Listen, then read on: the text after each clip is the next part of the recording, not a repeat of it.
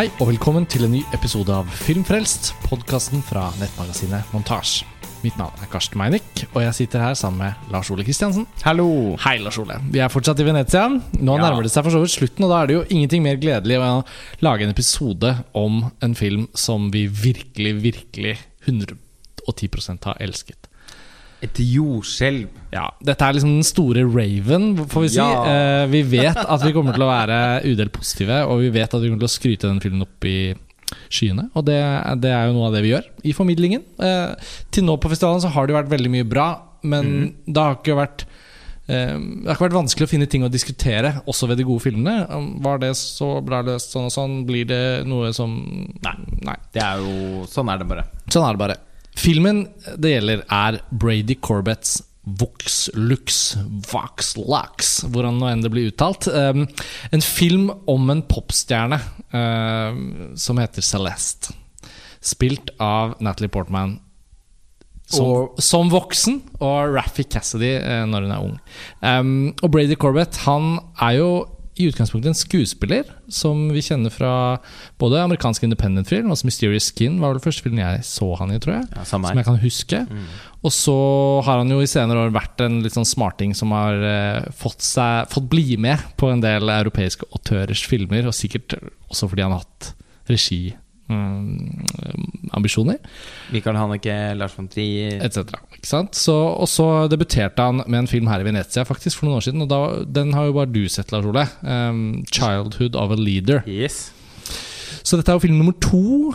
Og jeg vet ikke hvor den ligner på den første, men det må jo ha vært noe lovende der i den første filmen som har gjort at, um, at han kommer opp på et så bra nivå som han gjør nå, allerede i andre film. Ja, altså etter Suspiria var faktisk dette filmen jeg så mest fram til i Venezia i år, fordi at jeg har hatt en sånn skikkelig, skikkelig, skikkelig god følelse. Og det handler selvfølgelig om at den debutfilmen hans, 'Childhood of a Leader', var eh, mektig imponerende. Jeg så den i Venezia i 2015. En av de beste filmene jeg så i Venezia det året. Jeg hadde et par issues med den. Eh, det var faktisk Jeg syns det var noen sånn penselstrøk der som kanskje ble litt i overkant pretensiøst. I utgangspunktet noe jeg ikke pleier å være så redd for, med, eller skeptisk til. Men, men det var liksom noen ting som som, som som kanskje ble litt too much. Men når det er sagt, så var den dønn imponerende. Eh, altså ikke Ja, det er så dølt alltid sånn håndverksmessig. Fordi det er jo Altså, filmkunstnerisk så var den, var den ganske overveldende, rett og slett. Fantastisk foto, produksjonsdesign, kostyme, vanvittig fet musikk av Scott Walker, og bare et sånn Altså eh, Det åpenbarte seg regitalent, da. På helt sånn på, på nivå med de aller største, egentlig. Altså sånn Det var som å se en Xavier Dolan-film for første gang. Og bare Oi, oi, oi, oi, oi. Stopp pressen. Hva skjer her? Og så, i likhet med også Xavier Dolans par første filmer, så var ikke den så var den ikke helt fullendt for meg. For, for andre var den jo faktisk det, og den fikk jo utrolig gode kritikker, og vant regiprisen i Horisonti, med Jonathan Demme som eh, juryformann. Og kombinasjonen av at Brady Corbett med litt sånn Litt sånn passelig lang tid har laget sin andre film, og at den handler om eh, noe av det aller, aller, aller beste jeg vet om, nemlig popstjerner. Og popstjernemyten, den interesserer meg helt spesielt. Og i tillegg så er Natalie Portman på rollelisten. Ikke bare det, hun har på en måte da I hvert fall i forkant så trodde vi at hun hadde den, den definerte hovedrollen i filmen. Eh, på grunn av de elementene så este mine forventninger ut. Ja. Og, jeg, og, og, og fordi det på en måte var nok, så bestemte jeg meg for at jeg skal ikke se noe mer av denne filmen. Hun sluppet en sånn teaser-trailer for et par uker siden. Så ikke den. Har bare sett ett bilde fra filmen. Unngått å lese noe særlig mer sånn, mer sånn uppbroderende synopsis og sånn. Ikke sett rollelisten engang. Ingenting. Jeg bare tenkte Du stoler på den filmen? Ja, men det var virkelig sånn at jeg følte sånn Den har jeg bare lyst til å gå, gå og se. Ja. Og for oss som kjenner deg godt, så er det jo heller ingen tvil om at eh, en ting du sa etter filmen, føler jeg må være et av de gjeveste komplimentene du kan levere. Som, fordi du ser så mye film, men, eh, men eh, Nå er jeg spent. Ja, nei, men det er det at du sa at hvis jeg, hvis jeg liksom kunne i en sånn drømmeverden eh, på en måte satt sammen alle de elementene jeg elsker, og på en måte lagd en sånn drømmefilm selv, Ja. så lever faktisk Voxlux opp til Ja! ganske mange prosent av, eh, av det. Ja, det er sant. Eh, hadde jeg hatt talentet til å lage film, Ja. så er nok den omtrent Altså så nærme som det er mulig å komme. Jeg Det jeg i mine drømmer hadde lagd. Ja, og jeg syns det er en veldig fint, fin måte å formulere et kompliment på. Og på en måte heldigvis for deg så var jo ikke du alene om å like denne filmen. Eh, Jeg hadde altså Jeg hadde en så stor opplevelse med den, og jeg syns det var sånn frydefullt på den måten som de største filmopplevelsene er. Fordi filmen byr på Den byr på sånn stofflig, tematisk, men også overflatisk glede. Den har liksom masse dy- dyp, dybdestoff, og så har den masse sånn overflate, pop eh, ting å glede seg over. Alt fra sånn dialogestetisk humor, måten folk snakker på, mellommenneskelige observasjoner, til sånn svære ideer, til liksom konsertsekvenser, musikkvideosekvenser, til liksom kjempebrutale sånn samfunnsrelaterte hendelser som, som preger denne fortellingen. Så det var liksom bare sånn Det var så mettet og deilig film, og den var overraskende og uforutsigbar. Den var ikke perfeksjonert og polert, den var sånn grovkornet og røff i kantene. Hadde så mye eh, å by på. Så vi har bestemt oss for at vi ønsker å bare snakke litt sånn grundig om filmen. Ja. Eh, Men, men derfor har vi også vært enige om at Sinnssykt bra. For, til våre faste lyttere og dere som Eller til alle, for så vidt. Men hvis dere, hvis, dere, hvis dere vet litt hva vi syns er bra, og hvis dere føler at det er matchet opp noen ganger, så kan dere egentlig bare ta anbefalingen og bare notere det, og følg Lars Oles metode. Ikke hør resten av podkasten. Hvis, hvis dere føler at dere allerede har bestemt dere for at dere vil se denne filmen, så er det utrolig gøy å prøve å bevare en form for sånn uh, upåvirket opplevelse. Når det er sagt Men unngå da samtidig å se trailere Ja. som kommer. Ja, det er det jeg mener. Full pakke. Ikke les noen ting. Ikke Bare prøv å finne ut når den vises. Ja, hvis, hvis dere må se den i Norge, vent og se når den kommer til å bli vist første gang, etc. etc. Hvis du syns Lawrence Anyways og eh, Blå er den varmeste fargen Og Black og, Me Swan. By Your Name og Black Swan og de filmene som vi opp gjennom de snart ti årene vi har drevet montasje, er det helt store, så så Er det, så, er det, så er det garanti, Ja. vil jeg si. Så, så det øh, med det sagt, så må det jo også sies da at det er ikke en sånn typisk spoilerfilm. Nei. Sånn at Nei, jeg tror at for de av lytterne våre som har lyst til å høre litt mer inngående hva slags film dette er, og eventuelt for de som hører på denne episoden mye senere etter at de har hatt mulighet til å se filmen, så skal vi i hvert fall vi gidder ikke å ta noen forbehold. Vi har behov for å snakke om filmen, og vi kommer til å snakke om den sånn som det passer oss. Så da vet alle det. Men det er lite å liksom avsløre. For det er ikke en sånn type- nei, nettopp. film. Ok, men hvor skal vi starte da? Altså eh, Tittelen på filmen, Vox Lux, henspiller på, på det albumet hovedpersonen gir ut eh, eh, Liksom i et slags presensplan, da. Eh, mot, eh, det som blir mer mot slutten av filmen. Eh, men det er jo en veldig innbydende tittel. Kan virke som det er noen sånn science fiction-premiss og sånn. Eh, ikke det, ikke for handlingen, men det er litt mer som en del av Celestes det, det stedet hun har kommet til i karrieren, hvor hun på en måte lager sånn mytologisk eh, univers i albumet. Altså typ sånn, Tenk sånn Ziggy Stardust, eh, sånn aktig, hvor både kostyme på konserten, sminkebruken etc. skaper en sånn ikonografi, og albumet heter Voxlux. I starten av filmen så får man jo ikke helt inntrykk av hva dette Voxlux kommer til å være, for den starter jo med noe ganske annet enn enn selve popmyten. Det er litt sånn det er, altså, Hvor skal man begynne her? Nei, for- Eh, begynne med begynnelsen, begynner- jeg synes jo det var den første overraskelsen. Ja, vi må gjøre det. Uh, filmen begynner med en skolemassaker. Som er uh, den uh, vemmeligste og, og på en måte cinematisk beste siden Elephant av Gus Van Sant. Mm. Eh, det var altså så uh, forferdelig. Og, U og, og uvarslet. og uvarslet, og så Og så bra, da. Eh, at eh, man ble liksom Oi. Nå er vi Oi, hva er dette? Ja. På en måte Og det er en Veldig sånn jeg, Som sagt, det, det eneste jeg visste om filmen, var at den skulle handle om en popstjerne. Og det var ikke helt den starten jeg hadde forestilt meg. Og, og det er andre elementer som også introduserer dette, for vi får en sånn kapittelinndeling og en voiceover. Du får noen sånne Av Willem Dafoe. Ja, William Dafoe, utrolig bra uh, valgt voiceover-stemme.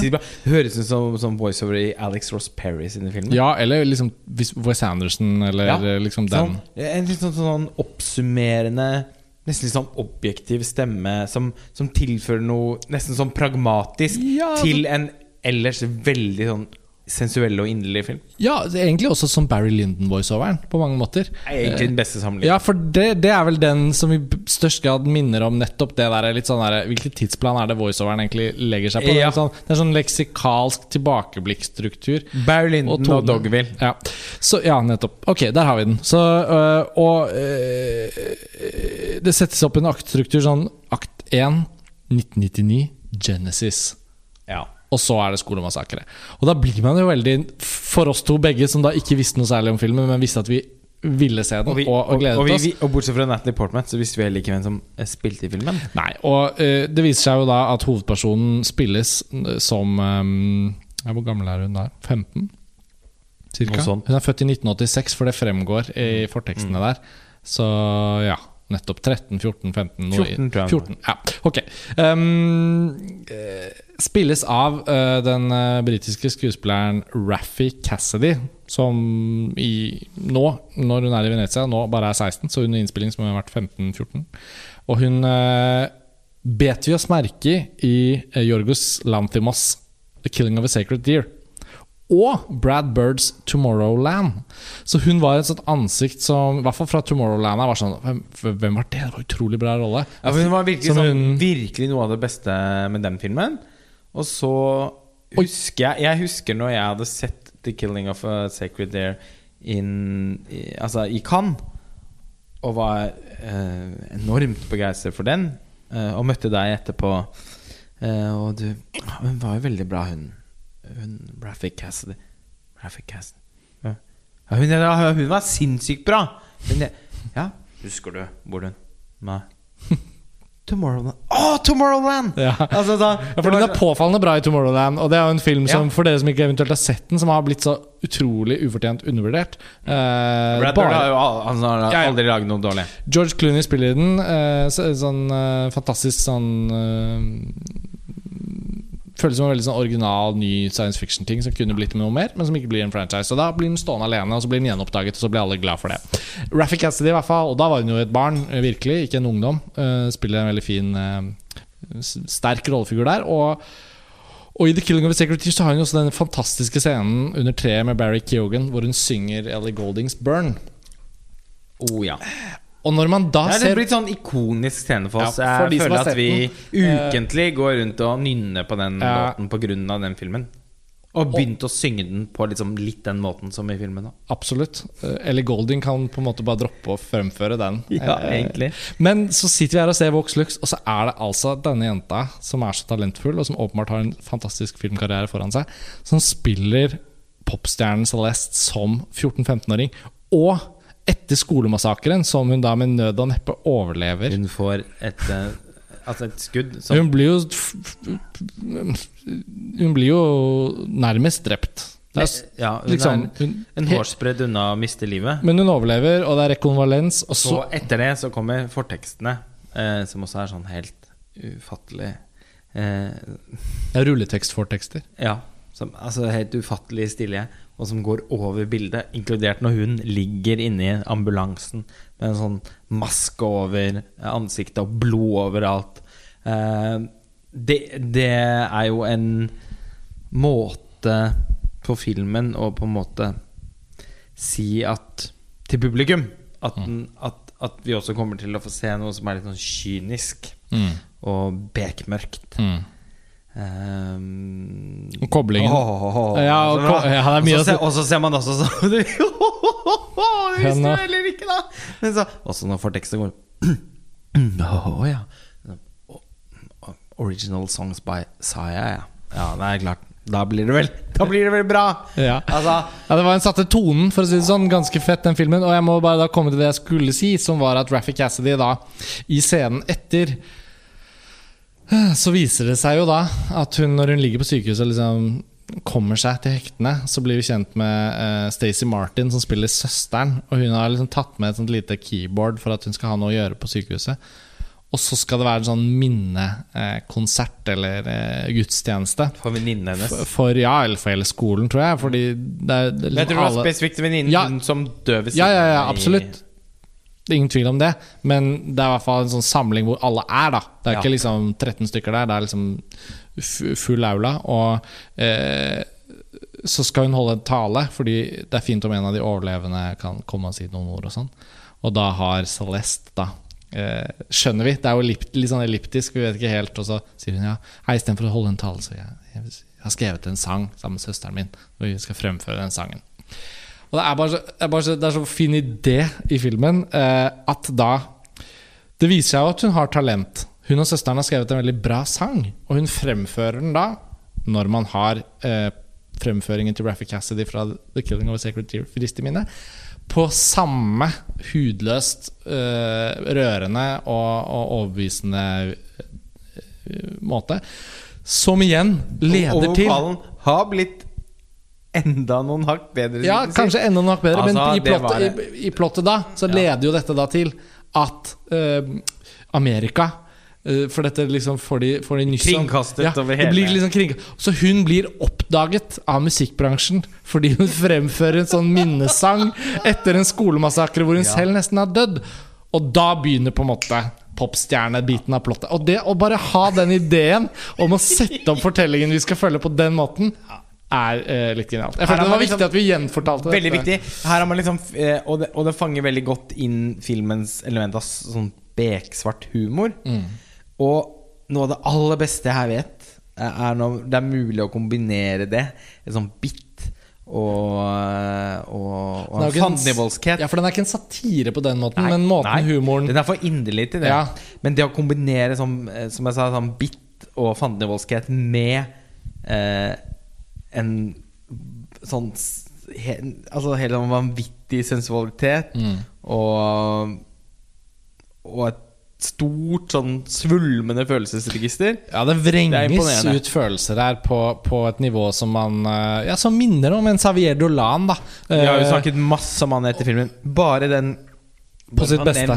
Ja, på sitt aller beste. Eh, bare for å ha sagt det, da, den scenen som du nettopp beskrev, hvor, de, hvor hun fremfører denne låten Altså, det er så hjerteknusende vakkert at uh, det var mange Det ble meget fuktig i mine øyne, i hvert fall.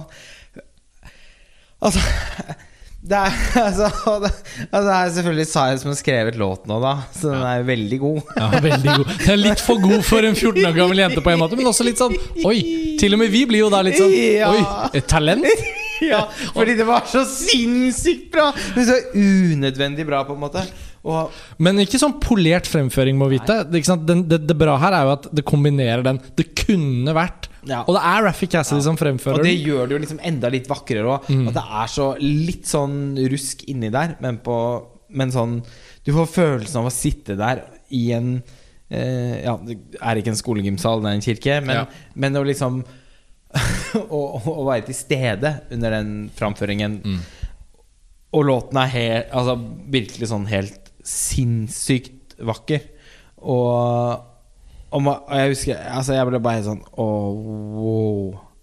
Dette blir ikke småtterier. Og, og det blir det jo ikke. Eh, og, og, og fortellingen legger opp til at nå skal vi Nå blir hun, nå blir hun popstjerne. Og så blir hun oppdaget, og eh, hun og søsteren hennes, spilt av Stacey Martin, Ja. eh, for sikkerhets skyld. Kjent, aller mest kjent fortsatt fra Nymphomaniac. Hun spilte også en bærende rolle i, i Brady Corbetts uh, forrige film. da Uh, The Childhood of a Leader. Så drar de til New York. Uh, det er vel også sånn umiddelbart Er det den beste New York-montasjen jeg har sett siden Woody Allens Manhattan? Eller? Eventuelt siden Spike Lees 25th Hour, på en måte, men, Ja, ok. men, Den er jeg med på. men i samme kategori. Den er jeg med på. Ja. Eh, Eh, du må være en imellom der, men Ja. altså Det er en sånn vum, vum, vum, vum, Med Scott Walker sin sånn, musikk. å, altfor uh, symfonisk for eh, på en måte det man tror man har i vente. Men filmen drar jo girer opp, da. Ja, og New York både som en sånn eh, eh Den blir på en måte Det er så sant òg. Den blir fremstilt både som verdens vakreste by, som det på sett og vis er, syns jeg, og som, som noe veldig sånn Brutalistisk, nærmest. Brutal ja. og skremmende. Hver skyskrape er som liksom en sånn derre det er som et sånt sjakkbrett har blitt forstørret til sånne enorme Ja. monstre som skal Ja. tråkke på deg. Akkurat Eh, sånn er de skutt. Og med Scott Walker sin sånn cello Og med en sånn orgel under Interstellar-style. Ja. ja. Og det kan høres litt sånn, nesten litt sånn latterlig ut. Mm. Eh, og igjen, filmen har også eh, nesten hele tiden noen ganger litt lenger oppe, andre ganger veldig dypt nede. En sånn undertone av noe humor. Men mest av alt så er det sånn så er det sånn filmorgasme. Mm. Eh, fordi på dette nå, nå har vi jo fortsatt ikke kommet lenger enn et kvarter ut i filmen. Men her blir det liksom for alvor klart at vi har å gjøre med et, et filmverk som skiller seg markant ut fra det meste man opplever i løpet av et vanlig filmår. Ja, utvilsomt. Og, og nå kan vi jo ta et steg til venstre og, og la plottet ligge litt, fordi det føltes uansett Vi må snakke nødvendig litt om virkemidlene Ja, sånn, selvfølgelig. Og det føltes uansett nødvendig å sette litt sånn premisset her for vår eh, opplevelse av overraskelsen over å oppdage hva filmen hadde på hjertet. Ja, og hvordan den satte tonen sin. Nå går vi på en måte litt sånn kronologisk til Ja, verks i forhold til vår opplevelse, snarere enn føles som en riktig måte å gjøre det på her Ja, i Venezia. vi. Vi har akkurat sett den, og ja. ja. Og så er det litt sånn som man liksom ikke vil si altfor mye om historien. Nei.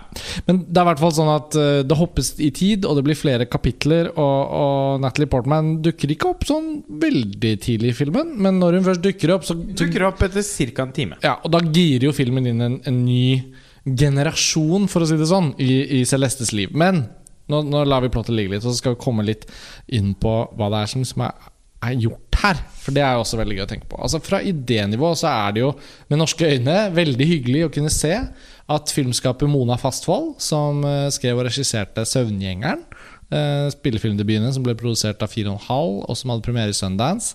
Den utspiller seg i eh, USA, men den er å regne som en norsk film.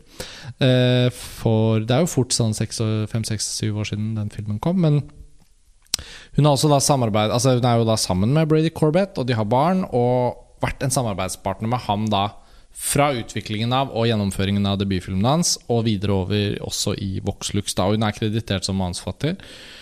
Um, Og er jo da brått eh, liksom ved siden av Joachim Trier og Eskil Vogt sånn Norges beste filmarbeider, da? Eller? Ja, så når vi da, når, ja, det er, det, det er jo Hvorfor ikke? Jeg, jeg, altså, jeg, det er jo i hvert fall ingen tvil om at det, det bidraget Jeg begynner å bli ganske mektig imponert over hva hun er involvert Altså, Ja, det er eh, kjempeimponerende. Til både Kjempeimponerende. 'Child of a Leader' Mm. eh, og Voxlux er jo an, Altså helt i toppklassen. Og det virker i hvert fall da som at Brady Corbett og Mona Fastvold, i tillegg til å da være et par, så jobber de åpenbart veldig bra sammen. Og det ser ut til å være en form for sånn kreativ ytringsfrihet. Eh, ikke bare sånn generell ytringsfrihet, men det virker som om ideer som ville vært filtrert bort i sånne konservative, konvensjonelle systemer, som dessverre mye av den norske filmbransjen formes Ja. eh, de er på ingen måte filtrert bort Nei. i, i Nei, Sikkert er ikke i debutfilmen heller, Nei, og i hvert fall ikke i Voxlux. Og det er jo viktig å understreke at det er liksom Én ting er at, som vi skal snakke om nå eh, Alt som har med form å gjøre, er bare helt sinnssykt. Eh, men eh, det er jo, dette er jo også to filmer som på idéplanet er utrolig originale, oppfinnsomme, drøye, eh, sånn hemningsløse eh, Det er liksom ikke et eneste Ikke en eneste følelse av at noen har kommet inn og liksom pekt med noen lange fingre og Nei, det burde være litt mer sånn, eller husk på treaktstruktur liksom, Ikke noe av det pisset. Føles ikke som det er den eneste bit av filmen som er preget av noen form for kompromiss. Eh, Ingenting. den ser dyr ut når den trenger det, men den, Den ser jo egentlig helt utrolig er dyr ut. men den er ikke nødvendigvis ikke så dyr. Nei, nei. Den, eh, den ser polert ut når den skildrer poppens polerte verden, men den er også grovkornet og har og liksom form for sånn merkelig sånn streetwise realisme i noen sekvenser. Den skifter så elegant og lekent mellom forskjellige for så vidt estetiske sensibiliteter uten å miste estetisk helhet. Som jeg syns er en så fantastisk imponerende øvelse. At liksom, eh, ja, Du snakket om Woody Allen i stad. Altså han har jo i sine beste filmer også vist en sånn evne til å bare skifte og ta la ideer løpe løpsk innad i filmen, men at helheten av filmen aldri føles som en løpsk hest, liksom. Som i Eh, The Purple Rose of Cairo ja, eller Selig. eller Annie Hall som plutselig sånn hopper Ja, bakover, ser i kamera. Altså Så sykt mye sånn grep, da. Men uh, hvis du klarer å hvis, Og det har virkelig Brady Corbett klart der. Er liksom, han, han, han gires jo rett opp i et sånt øvre sjikt. Og jeg syns Jorgos Lanthimos og, og, og Xavier Delan, begge de har vi jo nevnt nå. Og det er noe med det samme at, at du ser liksom Vi hadde vel ikke nevnt uh, Lanthimos uh, Nei, men vi, vi, vi kom litt inn på Ja. eh, det, det, vi, Vi kom inn på The Killing of a Sacred Deer, i hvert fall. vi skrudde på opptaket, og i løpet av de siste døgnene, da, så har jo vi allerede snakket ganske mye om filmen. Og vi har snakket om The Favourite for fem dager siden, fordi den også ble vist der. Mm, Så jeg ikke føler. Lantimos har vært fremme. Sant? Og eh, vi begynner å få en sånn fornemmelse at det fins liksom et sjikt i, eh, innenfor den nye filmen eh, fra noenlunde samme generasjon, der hvor man merker at eh, at, at filmskaperne Ja, den, innenfor denne slags gruppen som vi nå konstruerer, da, så, så er filmskaperne så innmari uredde for å gjøre det de liker. Eh, både filmene til Georgios Lantimos og Savedolan og nå Brady Corbett bærer preg av at regissørene har sett veldig mye film og elsker film og, og har noen spesifikke ting som de er spesielt nesten sånn fetisjistisk opptatt av og har lyst til, i, som i en drømmeverden. Og på en måte gjenskape i sine egne filmer. Vi minnes jo også at den gangen Xavier Dolan ikke var så populær. Det var jo med Mommy. Han plutselig ble allemannseie. Før det så var det jo ikke måte på hvor mye kritikk han skulle få. I 2012 så gikk du og jeg rundt på Cannes-festivalen og, henvendte oss til en rekke forskjellige norske filmfolk og sa Altså, Lawrence Anyways i Uncertain Regard er jo typ sånn en av de beste filmene som har blitt laget på år og dag. Har dere sett den? Skal dere se den? Hvem skal kjøpe Det var rettighetene? Så som vi snakket enig. for døve ører. Ja, så- så og den fikk jo heller aldri distributører ah, ja, det var ikke det var typisk sånn, Det er sånn som dere liker dette her. Det, var ikke, det er ikke noe å selge, og det er for langt. Det er, ikke noe fullendt film, dette. Eh, og, og nå har det gått uh, seks år siden den filmen uh, hadde premiere i Cannes. og ikke fikk den norsk kinopremiere. Og da ble månedens film på Cinemateket, Ja. så ble den Jeg husker at den fikk terningkast tre i Aftenposten. Terningkast var det to eller tre i Dagsavisen. Altså, det var helt sånn sjokkerende p- sånn provinsiell mottakelse. Flau mottakelse. Vi vet jo at uh, det er ikke bare vi som elsker den filmen. Nei, altså, den, har jo, si- den har jo vært et, et, en glede å formidle. på. Der er jeg veldig sikker på Altså, har- at eh, vi var eh, tillegg- at, vi hadde, at vi hadde rett. Ja, I tillegg til min kanadiske Blu-ray av Lawrence Anyway, så eier jeg to eh, kopier av den britiske DVD-en som jeg har hatt sånn på jevnlig utlån til forskjellige folk. eh, om det er eh, eh, søstre eller kolleger i filmbransjen. Skal jobbe på prosjekt, foreslår Lawrence Anyways. Har ikke hørt om den, ser den. Hvor var den filmen i de siste årene? Altså Bortsett fra altså, andre filmskapere Filmskapere sier jeg, bortsett fra andre filmkritikere i Norge som eh, som typisk sett også er, liksom, har liksom, er sånn stolte over sin ja, Og det skjønner jeg godt, altså. Uh, uh, integritet osv. Men uh, ellers så har jeg vel aldri opplevd og presentert, anbefalt, vist den filmen til noen uten at de ja, syns den var helt spesiell. Ja, og Poenget med å på en måte illustrere det eksempelet handler vel litt eh, også om at eh, Ja, en film som Vox Lux har jo bare hatt premiere i Venezia uten å være forhåndssolgt. Altså, jeg tror ikke den engang har amerikansk distributør. Og, og man kan i hvert fall ikke ta for gitt da at noen av disse filmene som viser helt sånn unike kvaliteter, som det går så mange festivalfilmer mellom før man får, før man finner er jo ikke da filmer som automatisk plukkes opp, eller får, Nei, får den boosten de måtte trenge. da Nei, for det er ikke Eh, automatisk at det blir så godt likt. Eller for oss, altså vi, for, for, for oss Vi er, så, er jo såpass samkjørte eh, at Jeg skjønner ikke hva du mener. Nei. Ja. Eh, dette er jo lytterne vant til. Men altså sånn at, at eh, man Vi reagerer jo helt instinktivt på en sånn film. Altså Det tar ikke tar ikke mange minuttene før det begynner å liksom vrikke seg i setene omtrent av Ja. Av sånn begeistring. Eh, men eh, vi er jo også vant til at noen av de filmene blir sånn Å ja, nei, men det var liksom det, At det blir litt sånn i, I det minste blir litt sånn polariserende filmer. Og noe av det første eh, eh, Et av de første ryktene om Voxlux som forlot Venezia og flydde ut i verden, det var jo at uh, It's the most polarizing film of the festival besides Suspiria. Mm. Uh, there were boos, there were loud boos, and there were the loudest applause of the festival as well. Mm. Ja, det var vel to kanskje sånn gamle gubber eller noe som sa boo bak der. Mm. De tusen andre Ja, altså eh, Ellers så var det jo bare applaus. Ja. Og den høyeste applausen eh, var vel meg, da, som Ja. ropte 'bravo!' Bare for å overdøve den idiotiske buingen. Jeg liker eh, livesiteringen fra Twitter og livegjenfortellingen av Bræva, for det var veldig gøy å være vitne til. og, og, og, men, eh, også, men så blir man Og så leser jeg Nå er det blitt sånn sperrefrist i Venezia, sånn som vi har fortalt om.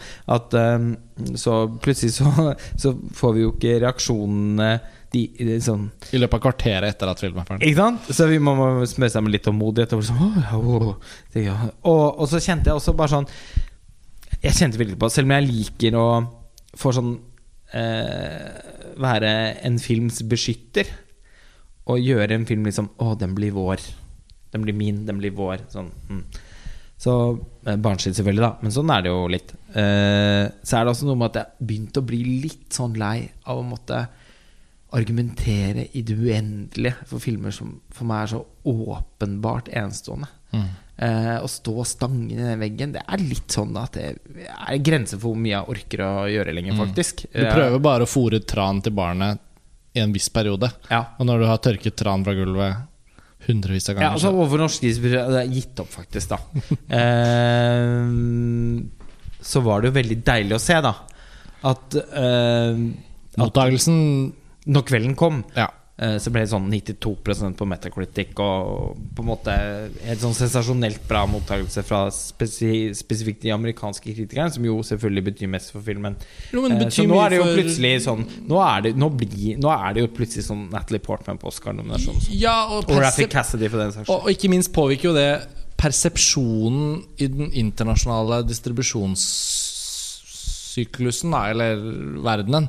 Så påvirker jo den amerikanske liksom, førstereaksjonen, eller hvordan liksom markedspotensialet settes opp i det amerikanske Det eh, kritiker- og, og å ha med seg programmeringsmiljø. Screen og Variety, Hollywood Reporter Og jeg tror bøssen er jo allerede i gang på Natalie Portman i forhold til Oscar. Og da ser man jo plutselig konturene av noe som egentlig er veldig salgbart. I tillegg til å ha alle disse kvalitetene vi snakker om. For vi snakker jo også om en film som har Natalie Portman front and center på alle plakater og alt markedsføringsmateriell du vil lage. Og så har man popmusikk. Og en popmytologi. Og det er Saya. Altså sånn, det er jo, jeg skjønner ikke hvorfor man må forklare hvorfor dette er en kvalitetsfilm med mainstream-potensial. Ja, jeg tenker det er viktig å understreke Selv om filmen har mange veldig sånn prangende kunstneriske grep, så er det jo ikke sånn Det er en sånn bred, bredt ut, altså utbredt eh, Det er en utbredt misforståelse at den type eh, grep, vendinger, gjør at publikum blir mer distansert eller ikke liker det de ser. Det er helt feil.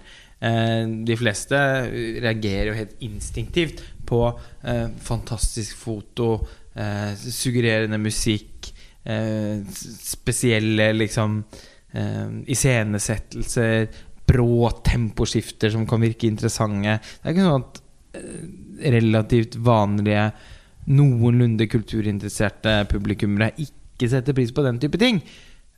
Men på tross av at Vox Lux har alt dette, så, eh, eller har det, så er det også øh, så, så så er det også en bred film. Altså, jeg kan ikke forestille meg øh, at, at det er en film særlig mange med noenlunde interesse for det filmen handler om, da, vil jeg merke. Som jo sikkert også er det som er veldig avgjørende når folk velger hva de skal se på kino.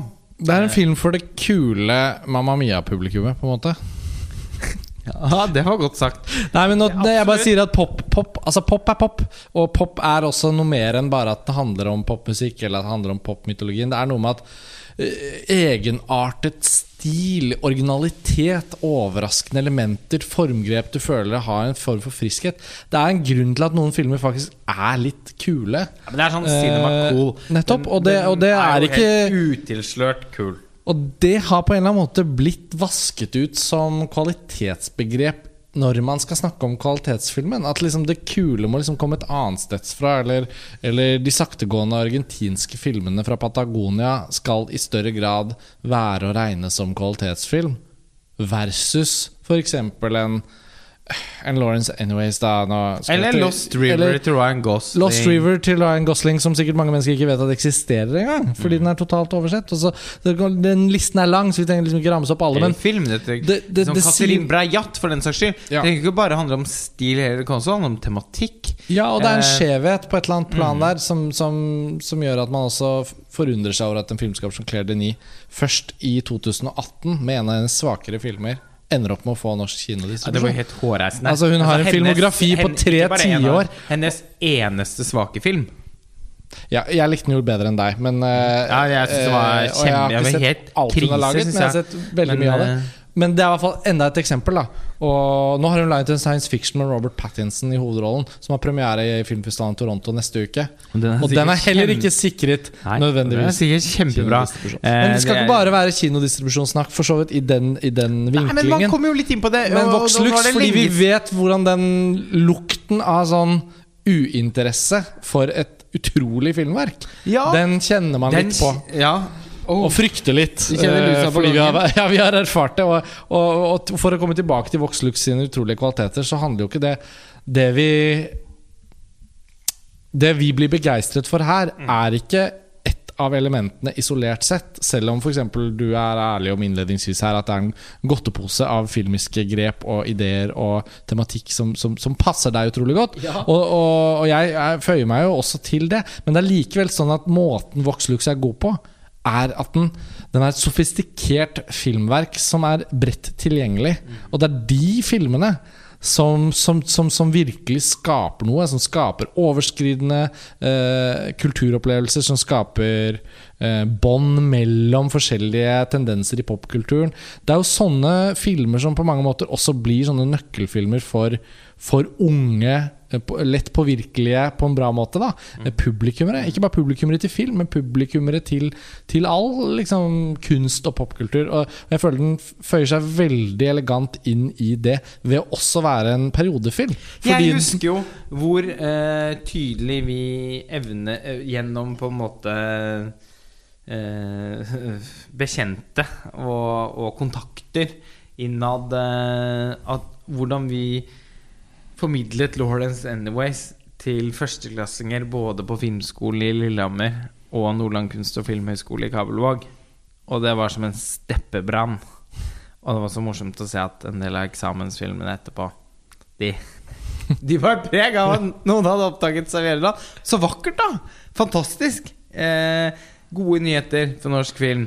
Eh, Ja, jeg har sett føler også sånn uh, når, uh, For noen år siden så satt jeg sånn uh, forhåndsjury til Kortfilmfestivalen i Grimstad, hvor man ser absolutt alt som er sendt inn. En veldig uh, uh, viktig jobb, og man går jo til den jobben med stor ærefrykt, for man vet jo hvor betydningsfullt det er for kortfilmskapere å bli sett.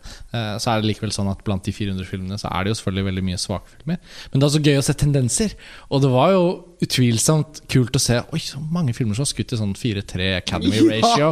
Så mange som, som, som. Om ikke bare Xavier Dolan, så tenker man Vi ser jo altså, Andrea Arnold, vi er Xavier Dolan Vi ser liksom visse filmer som minst umiddelbart så fremstår som stilskapere. Ikke minst er jo vi på Amandusfestivalen hvert år. Eh, og også der eh, har det jo eh, Altså har det vært helt påfallende Mm. de siste ja, fire årene eller noe sånt nå, at uh, mange unge ser Xavier Dolan og helt utilslørt lar seg inspirere. Og, det er jo, og det er jo fantastisk. Og man skal ikke Det er en sånn utrolig sånn jantelovaktig drittkultur eh, rundt at man skal liksom Å, du må ikke kopiere, det skal være originalt, det er min fortelling. Ja. Bare særlig i Nord-Norge. Nei, eh, nei. Eh, men Kan altså si at det er mange der nede som har vært Kan dra med flere. ja, vi får Og ikke minst i Oslo. Og ikke minst i Oslo. Så- ja, men, jo, men, å, men det irriterer meg så sinnssykt! Og det er sånn Det er sånn som ødelegger for utviklingen av norsk film. Det er, Ja, og- At det liksom ikke skal være lov og utilslørt, også når man på en måte er ung. Eh, la seg inspirere og bruke og utforske uttrykk man syns er interessante. At alt skal være en del av det samme eh, faenskapet. Som, eh, som er en sånn derre døll eh, modell som jeg føler bl.a. den norske filmskolen har bidratt til å skape. Hvor det er sånn sånn treaktstruktur, den gode fortellingen Du må passe på at virkemidlene ikke er for oppskrudd, for det kan bli distraherende for publikum. Det er noe gubbete Åh, jeg er så lei det! Og det er så deilig å se at mange unge filmskapere i Norge i dag eh, beveger seg i en helt annen retning enn det vi har sett i altfor mange år før. En liten rant. Den var veldig fin, og jeg vet hvor du kommer fra, og jeg syns den er godt poengtert.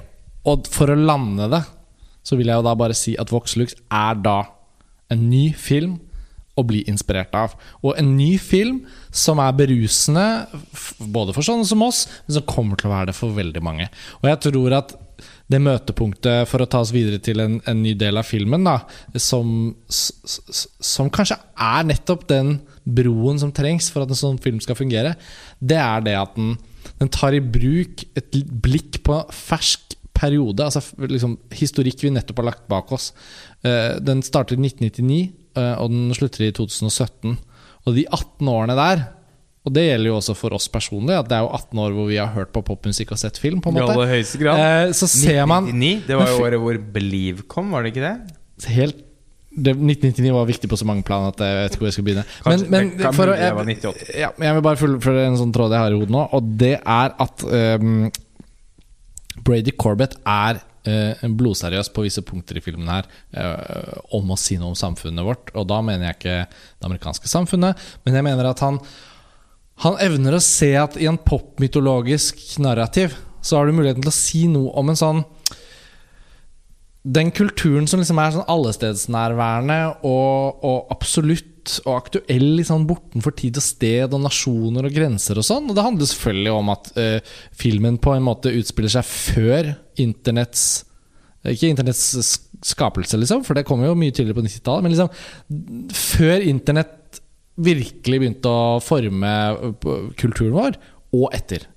Og det handler ikke bare om estetikk, og det handler ikke bare om liksom kommunikasjonens hastighet, og sånt, men det handler om hva det har gjort med alt rundt oss. Og det er en grunn til at filmen ikke stopper innom 2006 og 2011, men den hopper fra liksom 1999, 2000, 2001 til 2017.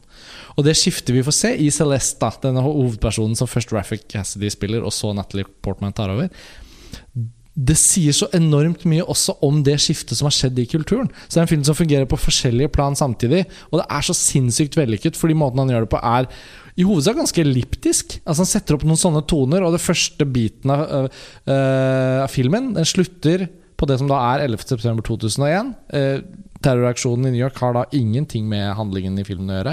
Det er helt andre ting som skjer i filmen med hovedpersonen. Men eh, det kapitlet slutter med at hun går inn i et rom og sier til søsteren sin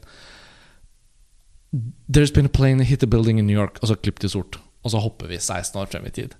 Og, og vi trenger ikke det imellom For vi vet hva det er. Og det er så jævlig bra måte å fortelle historien på. Og når vi da, når vi da, når vi da er der i 2017 Og Natalie Portmans måte å spille eh, Celeste på Og måten hun går på Og måten hun artikulerer seg på Og måten hun er stresset på Og måten hun har issues på Og måten hun har Det er dessverre da, på en måte Føles veldig sant om vår tid Nå Ja. Uh, og, og, og det var noe av det mest Hele vår tids oppsamlede angst. ja, utrolig interessant film om liksom, det kontemporære.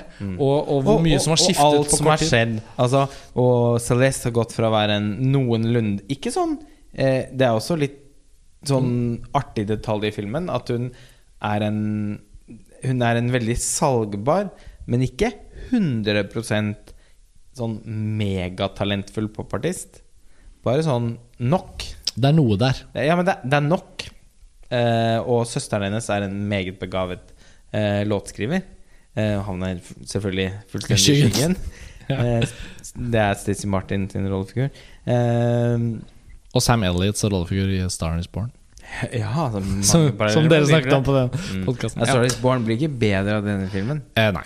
Men, Eh, men, nå lar okay. vi den være. Den var sjarmerende på sin måte. Helt enig. Eh, men og, og- så ser man liksom steg for steg eh, Den er jo helt Altså helt sensasjonelt god, den første delen av filmen. Altså den eh, Etter Genesis så er på en måte det første kapitlet, som er langt. Halve filmen, på en måte. Hvor man, vi får se eh, popstjernen in spe, som eh, Manageren som trer inn i livet hennes, spilt Spilt av Jude Law. Meget bra spilt. Og veldig bra casting. For Veldig Jude Law har har med seg en del eh, hybris.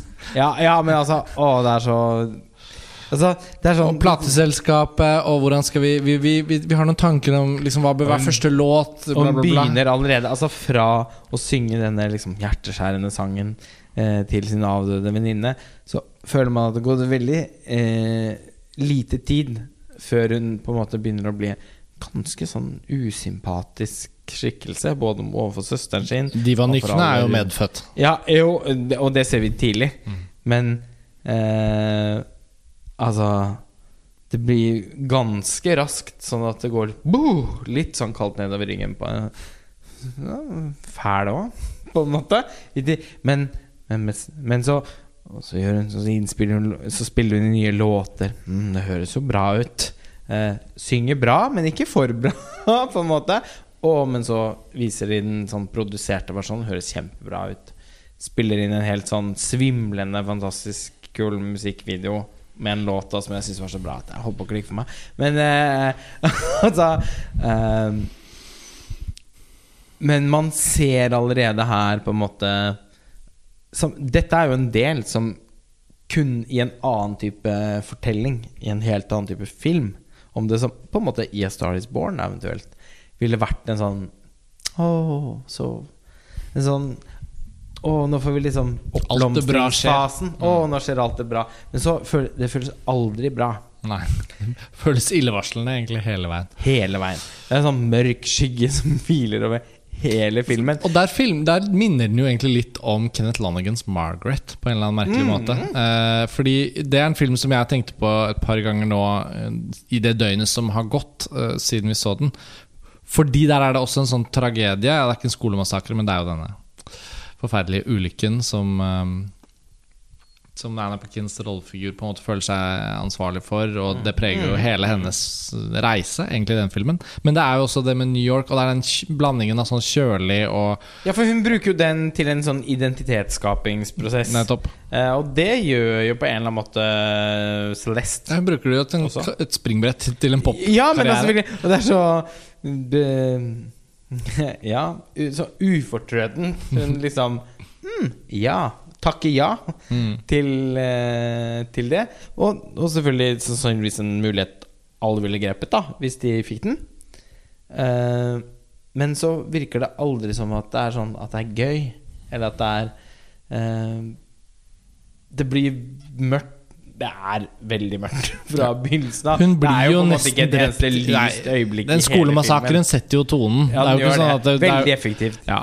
og, og, Det blir fulgt opp av filmens sånn, estetikk, da. Ja, og og- iscenesettelse. Den, den ser jo Det er jo ikke Det er jo aldri rom for en hyggelig stemning i hele filmen. Nei, Med unntak av kanskje det humorelementet som av og til dukker opp, som er mer sånn vår måte å hygge seg på. Det er ikke sånn at Ja. rollefigurene Det er sånn, det er sånn giftig humor. Det er ikke noe ja, det- hygge. Jeg må kanskje nominere, nominere Hvis jeg kan bryte hvis Jeg vet ikke hva du skulle si, men eh, nominere en sekvens, kanskje, da. Eh, som det mest hyggelige i filmen. Eh, Dyrene i Afrika? Ja.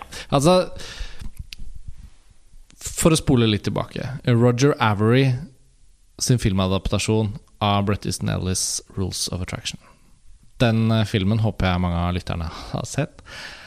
Det er en av de, for meg, liksom mest utrolige og på mange måter dypest sett innflytelsesrike filmene fra liksom den perioden hvor jeg har sett filmene mens de har kommet. da Ikke bare klassikere, som selvfølgelig er viktige når man liksom svinner noen gamle filmer man elsker, og så dyrker man dem sånn. Men Rules of Attraction er bare en så helt genialt uh, bra adaptasjon. Og jeg elsket boken, og jeg elsket filmen enda høyere. Og i den filmen så er det en sånn fantastisk innovativ montasjesekvens for de som ikke har sett den. Men altså det er en rollefigur i filmen, en perifer rollefigur, som heter Victor. Eh, som drar på en tur til Europa. og, ja. og, og Jeg elsker denne filmen ja, like likhet som ja. deg, og syns den er en av de eh, Ja, Ja. altså er en av de absolutt beste filmene som er laget de 20 årene, da. Ja, og den, desto flere år som går, og desto mer den filmen blir hentet opp og sett på, så tror jeg den kommer til å øke i status. Så den senest i ja, julen. ja. Det er jo litt en julefilm. ja, det er litt en julefilm. Halleluja. I hvert fall, vi skal ikke, vi, Alle de som vet om den filmen, vet jo hva det er. Og de som ikke vet, kan søke den opp. Men Victors uh, europatur uh, Den dukker opp på mange måter som et sånt flashback, fordi hun som da har hatt en greie for han, har et bilde av han, og, og kameraet zoomer inn, og så får vi fortalt denne turen gjennom en montasje som i sin helhet er da på en måte filmet og opplevd eh, av skuespilleren eh, Kip Pardew, som spilte han, eh, dro til Europa med Roger Avery. Og Roger Avery hadde med et lite DV-kamera. Og de filmet i et par uker på, på partytripp rundt i Europa. Men Det var sikkert manuselementer som skulle med, og sånn men det materialet hadde en veldig sånn spole gjennom DV-kassettene fra ferien-aktig touch. Og det er fantastisk lyddesignet og komponert musikk. Er bare så, montasjen er så bra, og den forteller så mye, og den er så rik, og den tar så lite plass i filmen. Det er liksom helt genialt grep. Det er Brady Corbett antageligvis egentlig den første filmskaperen jeg har sett som har uh, direkte latt seg inspirere Ja, av jeg tenker Når du sa innflytelsesrik, så tenker jeg For meg, da. Ja. Jo, men sånn, det er estetiske en, en, og stor sorg ved den filmen er jo at den ikke har vært mer Nei, jeg mente personlig. Altså For meg personlig. Eh, den har vært med å tenke at jeg syns filmklipping ser gøy ut. Den har, vært med, altså, den har formet meg veldig. Eh, fordi den har, den har bare sånne ideer som du bare tenker at det er bare så bra. Man blir bare så inspirert til å tenke hva film kan være. Eh, to split screens som møtes og sys sammen i ett bilde. Scener sånn Og dette kommer jo også fra Brett Easton Ellis sin roman. Eh, kapitler Som heldigvis Mark Cousins sørget for Ja. å kanonisere i, The Story, of Film. Ja, han gjorde det. Den sekvensen gjorde han det med. Og, men i boken så er det også sånn at kapitlene er delt inn etter rollefigurer. Da. Så du får plutselig den samme fortellingen fra en fest fra to forskjellige perspektiver. Og de husker det forskjellig, sånn Rushamon-style. Mm. Og det er så mange sånne ideer som Brett Easton Ellis lykkes med i boken, og som Roger Harry på en sånn perfekt vis adapterer med filmspråklige virkemidler.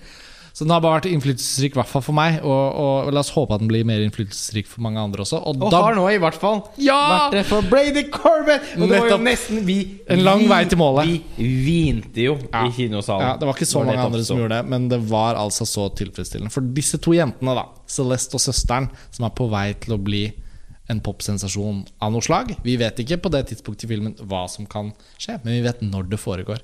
1999, 2000, 2001. Og det foreslås at de skal dra til Stockholm for å møte en svensk popprodusent som skal jobbe med dem på noen låter. Og så kommer en sånn montasjesekvens inspirert av Rules of Attraction, hvor de har hatt med DV-kamera, for det passer jo med epoken de skildrer også. Og den, den gjenspilles på samme måten.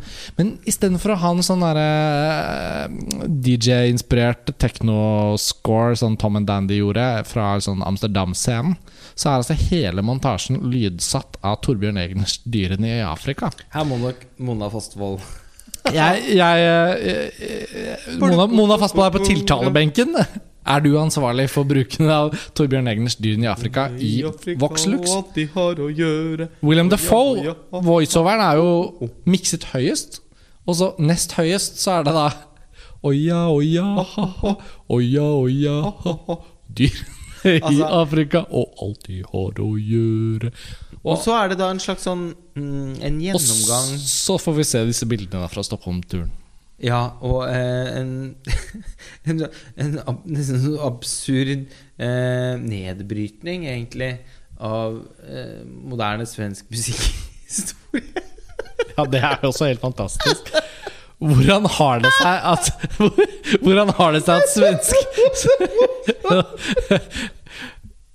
Nå må vi tegne opp noen bilder her, da. Men altså, i montasjen så hører vi voiceoveren til William Defoe forklare at ja, hvorfor drar disse jentene til Stockholm av alle steder? Hva slags sted er Sverige? Jo, Sverige sånn og sånn. Og på 40-tallet så bestemte de seg for det og det. Og dermed var det så mye eh, Det ble liksom satt inn et program for musikkutdanning som ledet seg til ABBA, ledet til denne produsenten. Uh, nå forenkler jeg det, for det er mye morsommere i filmen. Men, og vi har, alle som husker at Max Martin var en av de viktigste produsentene i Er også fortsatt Jo, men, viktigste jo, men da man lærte seg navnet Max Martin, produsent for Britney Spears og øh, mange, mange, mange andre, så var jo det akkurat da, i den perioden. Jeg sier ikke at han er ferdig. Jeg sier bare at han var veldig, veldig viktig da, og det føles ut som det må være inspirasjonskilden eh, på en eller annen måte. Det er jo også litt sånn interessant å se på denne filmen, Voxlux, og se på eh, Celeste og he hennes popfigur, ikke minst når Natalie Portman tar over rollen. Tenke litt på hvilke popartister er det som kan ha vært inspirasjonskilder for dette, denne karakteren. da Ja, Det er vanskelig å ikke tenke litt på Britney, er- tenke litt på Madonna. Absolutt, og man eh, Og for å tillegge det til en eh, så er det også Det er en sånn mørk undertone også der, som, eh, ja, som er litt kjipt å avsløre, for det er så utrolig morsomt å oppleve denne filmen når man ser filmen. Men det er også en sånn konspirasjonsteori omtrent rundt, rundt hvordan svenske populærmusikken oppsto. Eh, som Ja, det var hysterisk morsomt, i hvert fall. Eh, du nevner jo veldig mm, Altså opplagte referanser til eh, hvem som til, Altså hvilke popartister som har eh, Inspirert Brady Corbett og Mona Fossvold. Eh, Ja. Vel liksom Men jeg vil jo også tenke Britney, da. Ja, jeg sa Britney, Ja, og så sa sa jeg. Madonna. Og så ja. tenker jeg at ehm, Det var en eller annen eh, morsom bemerkning i en anmeldelse som jeg leste i går. At, at ehm, ja, nei, da, når vi ser tilbake på Venezia, så var det jo Natalie Portman som leverte den beste rolleprestasjonen som Lady Gaga.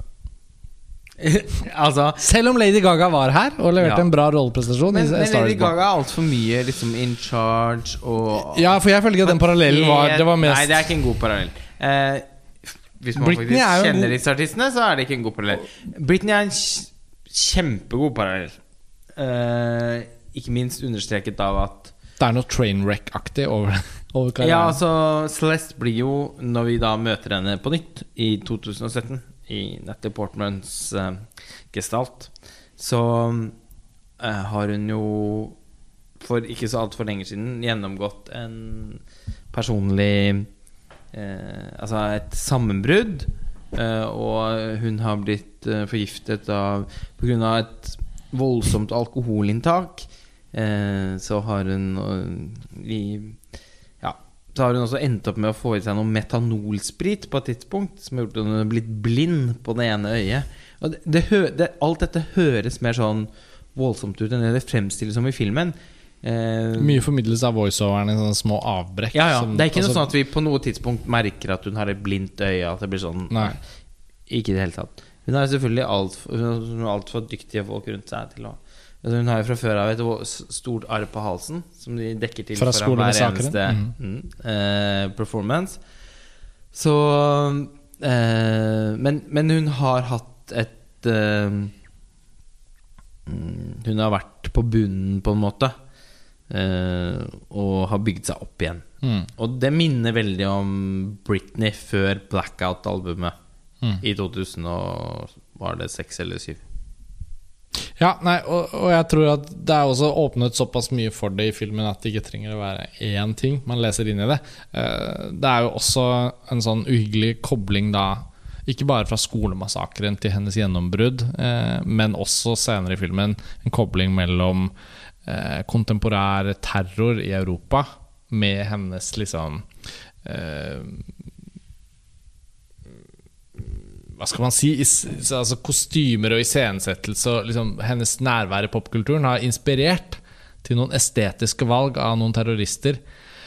Og da er det umulig å ikke tenke på, selv om ikke det var direkte koblet da, Så et år etter eh, 22. juli så skulle jo Madonna holde konsert i Norge, og det ble en del uro. Eh, For så vidt forståelig nok at liksom det er det, det var bare et år etter, og, og det var en markering, og så skulle Madonna spille i Oslo. Sceneshow, Du var jo på denne konserten, så det er jo noe du også kan gjenfortelle. Men sånn, så var det jo veldig mye medieoppmerksomhet rundt om dette sceneshowet skulle eller ikke skulle inkludere en sånn eh, posering av skytevåpen på scenen i forbindelse med en koreografi. Jeg minnes jo så altfor godt. Ja. Eh, Jeg og Truls, eh, som eh, også er bidragsyter til montasje, som mange kjenner til, fra, også fra Filmfrelst Vi sto jo Ikke bare var vi på konserten, vi sto i mange timer kø, sånn at vi sto alle først.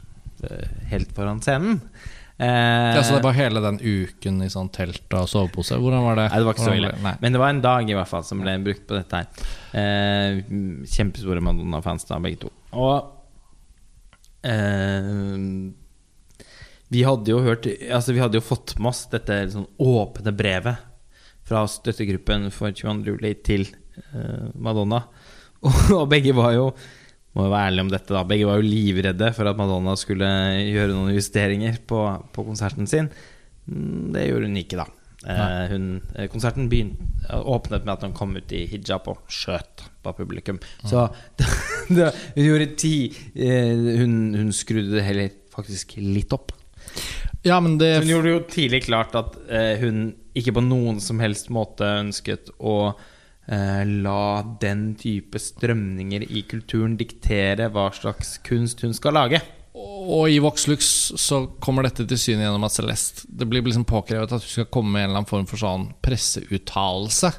Fordi man frykter at liksom den terroraksjonen som da akkurat har funnet sted liksom i et helt annet land i verden, og hva som helst, likevel kan kobles til henne. Og nå må du ut og uttale deg. Og sånn og sånn. Altså, man får i hvert fall smake på det der liksom uhyggelige mediekjøret. Pluss liksom eksponeringen for en superkjendis, og at alt kan tolkes i verste mening etc. Så det føles veldig tett på vår tid. Ja, Også, veldig. og, og der følte jeg filmen lyktes. Og, det, og, og en annen parallell som kanskje ikke er så hyggelig, men det var, det var jo også forferdelig å oppleve at terroren liksom rammet popmusikken. Da, da I fjor, eh, da hun godeste Ariana Grande. Ariana Grande ja. Eh, Manchester. Manchester var det, ja, nettopp. Eh, hadde denne konserten som, hvor, hvor hennes fans ble rammet. Det, det er jo viktig at film også, i sin mest fiksjonelle form, er opptatt av på en eller annen måte si noe eller knytte det til vår virkelighet. Og det er veldig Jeg synes det er et viktig kompliment å gi Voxlux. At den klarer å være sånn helt liksom i ytterkanten fiksjonell. Liksom nærmest eskapistisk i sin sånn herlige underholdningsverdi. Samtidig som den helt organisk klarer å være veldig tett på og litt sånn uhyggelig realistisk om tiden vi lever i. Absolutt. Og der, der jeg føler liksom at filmens sånn reelle mesterskap egentlig ligger. Fordi alt det herlige, det nytelses liksom ah, eh, Natalie Portmans rolleprestasjon, kvaliteten på Sayas låter, bare hele filmens musikalt, musikalitet. Alt det er jo så åpenbart og så lett å like.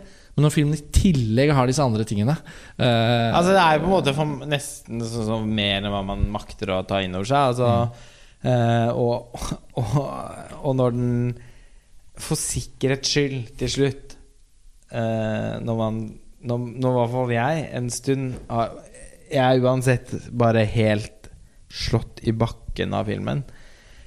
Men hvis det var ett siste ønske jeg hadde, da så var det sånn Oh, men jeg skulle likt litt å sett noen sånne konsertscener med hun Celeste. Det må jeg innrømme at det savner jeg litt. Få noe fremføring. Det var litt Og så må jeg bare tenke oh, Nå må jeg ikke sitte og liksom henge meg opp i det. Filmen skal få lov til å gjøre hva den vil.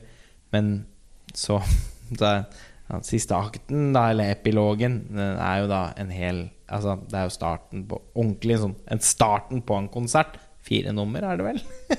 Med Veldig- Den tar seg god tid. Ja, altså, og, og låtene Det er nesten så den blir en konsertfilm. Fan, vid, altså, utrolig vakkert fotografert. Eh, fotografert, sier jeg. Koreografert. Mm. Det er han Eh, Benjamin Milliped, altså mannen til Natalie Portman, som gjorde koreografien til Black Swan. Selvfølgelig er det det. Er han som har jeg laget koreografien. Det sto på rulleteksten. Åh, selvfølgelig er det det.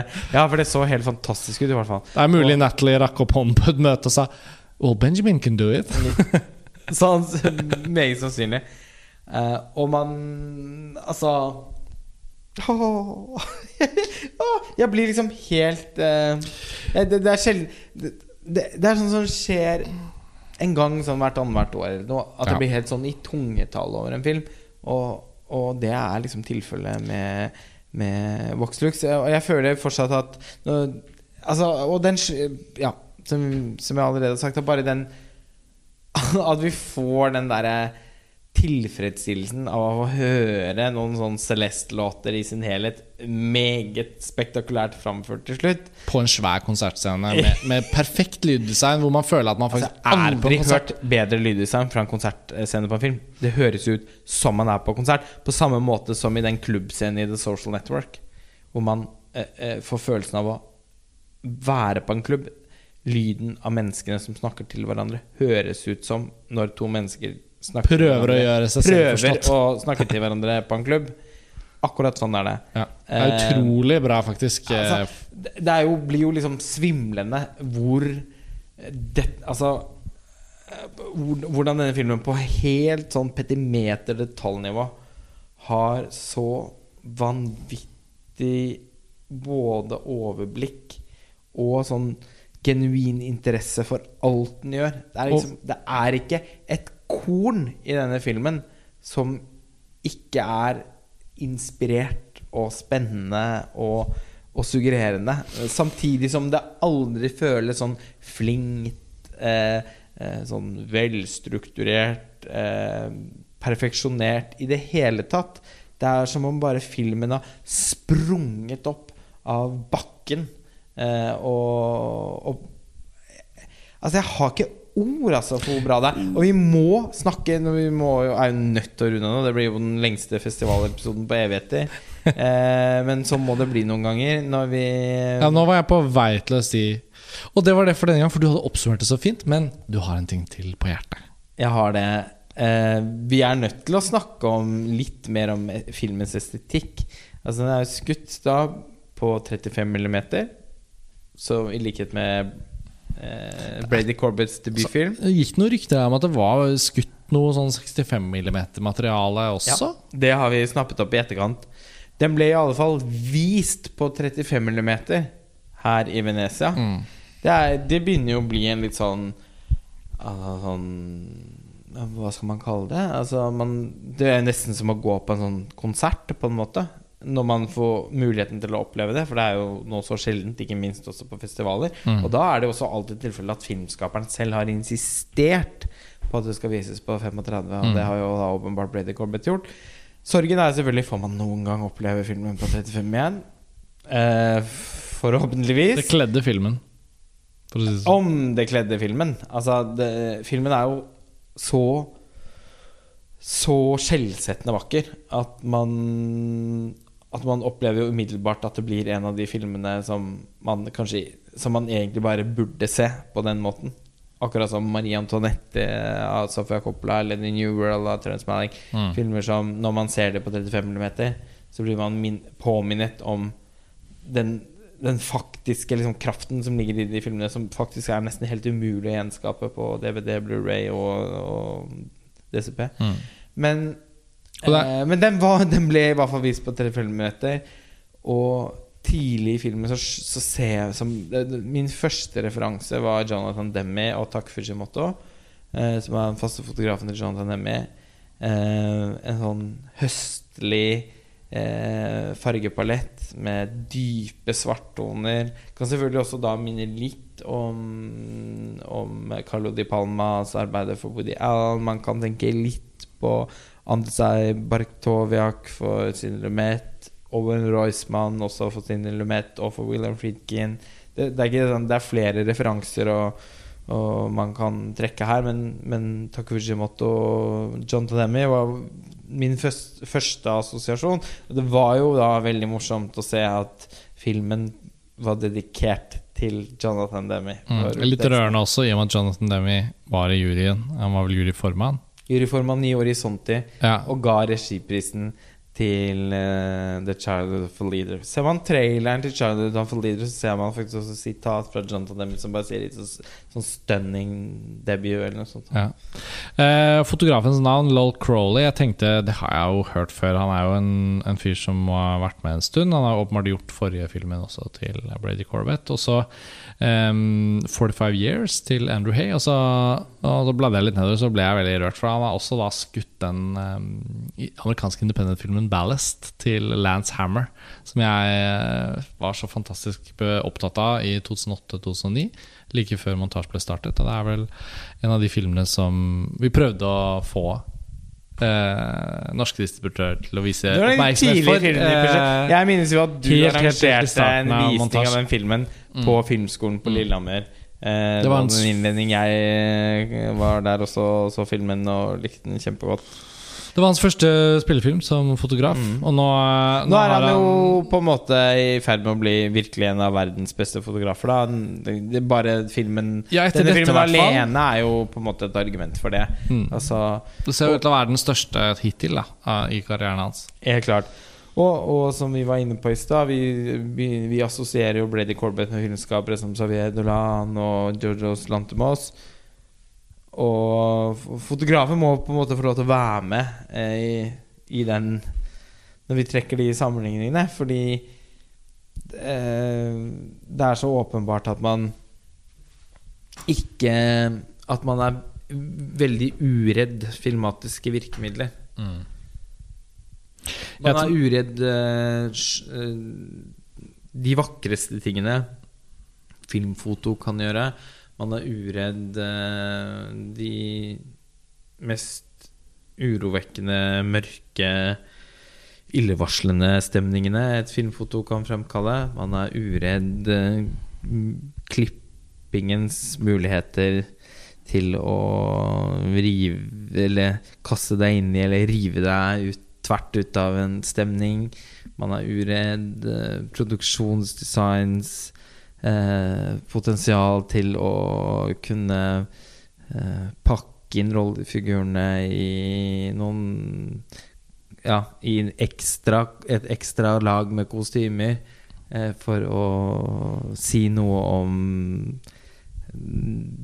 den tilstanden de er i, osv. Altså, man er uredd musikk, ikke minst. Altså Scott Walker sitt original Altså sitt eh, fi, filmsoundtrack, da, er jo eh, høylytt eh, når det er der.